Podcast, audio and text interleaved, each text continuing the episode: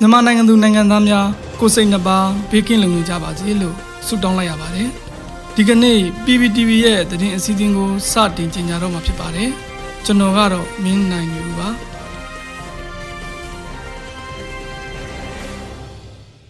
အခုပထမအဆုံးအနေနဲ့တိုင်းသားကျမရေးအဖွဲ့အစည်းတွေနဲ့မြို့သားညီညွတ်ရေးအစိုးရကျမရေးဝန်ဌာနတို့ပူးပေါင်းကျင်းပတဲ့အမျိုးသားကျမရေးညီလာခံကထုတ်ပြန်ကြေညာချက်တစ်စောင်ထုတ်ပြန်ခဲ့တဲ့သတင်းကိုတင်ဆက်ပေးသွားမှာဖြစ်ပါတယ်။ တိုင်းသားကျမရေးအဖွဲ့အစည်းများ EH ဆိုတွေနဲ့အမျိုးသားညီညွတ်ရေးအစိုးရကျမရေးဝန်ဌာနတို့ကြီးမှုပြီးဩဂတ်စ်လ2ရက်နေ့ကနေ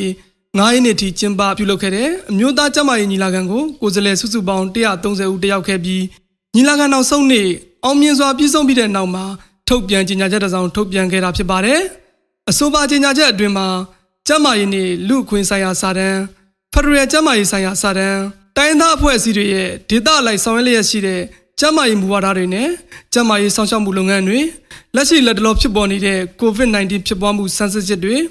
ကာကွယ်ထိန်းချုပ်ရေးဆောင်ရွက်မှုတွေဖက်ဒရယ်ပြည်ထောင်စုကျမရေးမူဝါဒစာတမ်းနဲ့အလုံးစုံလွှမ်းခြုံတဲ့ကျမရေးစနစ် UHC စတာတွေကိုတင်သွင်းဆွေးနွေးခဲ့ကြောင်းအနာဂတ်ဖက်ဒရယ်ပြည်ထောင်စုတည်ဆောက်ရမှာထိရောက်ကောင်းမွန်တဲ့ကျမရေးစနစ်တည်ဆောက်နိုင်ရန်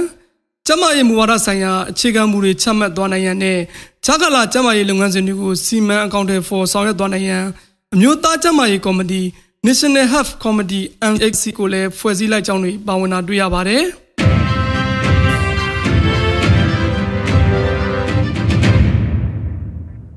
အခုဆက်လက်ပြီးအမျိုးသားညီညွတ်ရေးအစိုးရနိုင်ငံသားရေးဝန်ကြီးဒေါ်စင်မအောင်ကဘရူနိုင်းဒုတိယနိုင်ငံသားရေးဝန်ကြီးထံသို့54ကြိမ်မြောက်အာဆီယံနိုင်ငံသားရေးဝန်ကြီးများအစည်းအဝေးနဲ့ဆက်လင်းနဲ့တဝန်လာတစောင်ပြပို့ခဲ့တဲ့သတင်းကိုတင်ဆက်ပေးသွားမှာဖြစ်ပါတယ်။ အမျိုးသားညီညွတ်ရေးအစိုးရနိုင်ငံသားရေးဝန်ကြီးဒေါ်စင်မောင်အောင်က54ကြိမ်မြောက်အာဆီယံနိုင်ငံသားရေးဝန်ကြီးများအစည်းအဝေးနဲ့ဆက်လင်းပြီး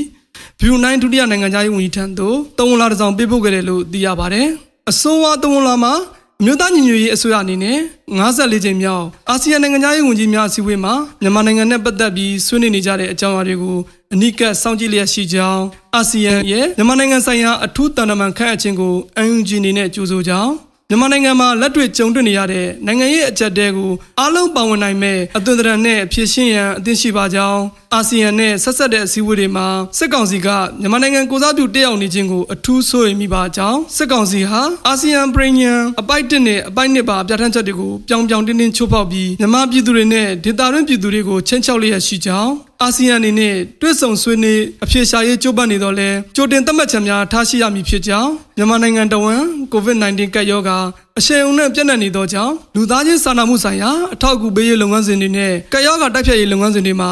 UNG နဲ့ပူးပေါင်းဆောင်ရွက်ရန်ထိပ်တန်းဦးစားပေးအဖြစ် တိုက်တွန်းတောင်းဆိုလိုကြောင်းအာဆီယံမိသားစုရဲ့အစိပ်ပိုင်းတစ်ခုအနေနဲ့အမျိုးသားညီညွတ်ရေးအစိုးရဟာအာဆီယံနဲ့အပြည့်အဝပူးပေါင်းဆောင်ရွက်ရန်အသင့်ရှိနေပြီးလူသားချင်းစာနာမှုဆိုင်ရာကိစ္စရပ်များနဲ့ COVID-19 ကပ်ရောဂါတိုက်ဖျက်ရေးကဏ္ဍတွေမှာတက်ကြွစွာပူးပေါင်းဆောင်ရွက်သွားမည်ဖြစ်ကြောင်းတို့ပါဝင်တာကိုတွေ့ရပါတယ်။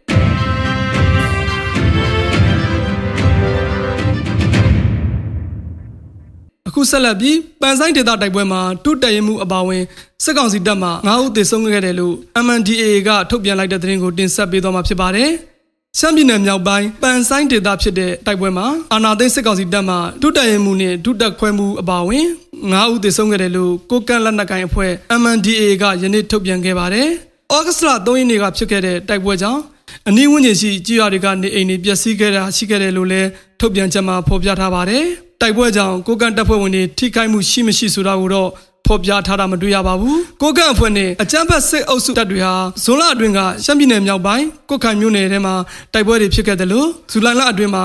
ကုတ်ခိုင်မြို့နယ်နဲ့မုံကိုဒေသတွေမှာတိုက်ပွဲတွေဆက်ဖြစ်ခဲ့ပါတယ်စစ်ကောင်စီတပ်ကထိုးစစ်ဆင်လာလို့တိုက်ပွဲတွေဖြစ်ခဲ့ရလို့သိရပြီးမုံကိုဒေသမှာဖြစ်ခဲ့တဲ့တိုက်ပွဲမှာစစ်ကောင်စီတပ်တွေအထိနာခဲ့ပါတယ်။မုံကိုဒေသမှာဇူလိုင်လ12ရက်နေ့ကဖြစ်ခဲ့တဲ့တိုက်ပွဲတွေမှာဆိုရင်စစ်ကောင်စီတပ်တွေ9ဦးသေဆုံးခဲ့ပြီးလက်နက်ခဲယမ်းအများပြားကိုတင်စီရမိခဲ့တယ်လို့ကိုကန်အဖွဲ့ကထုတ်ပြန်ခဲ့ပါတယ်။တိုက်ပွဲမှာကိုကန်တပ်ဖွဲ့တွေထိခိုက်မှုရှိခဲ့ပေမဲ့စစ်ကောင်စီဘက်ကပုံမအထိနာခဲ့တယ်လို့သတင်းထုတ်ပြန်ချက်တွေအရသိရပါတယ်။မုံကိုဒေသဟာ ကချင်လက်နက်ကိုင်အဖွဲ့ KIA တပ်မဟာ6တရင်36အခြေစိုက်လို့ရှားရာဒေသဖြစ်ပါတယ်။မုံကိုဒေသထိုးစစ်ကိုတုံ့ပြန်တဲ့အနေနဲ့ KIA ကလည်းဇူလိုင်လကုန်ပိုင်းမှာမူဆယ်ကုတ်ကင်ပြည်တော်စုလမ်းကစစ်ကောင်စီတပ်စခန်းတစ်ခုကိုတွားရောက်တိုက်ခိုက်ခဲ့ပါတယ်။ရှမ်းမြောက်ပိုင်းဒေသမှာတိုင်းသားမဟာမိတ်တပ်တွေဖြစ်တဲ့ KIA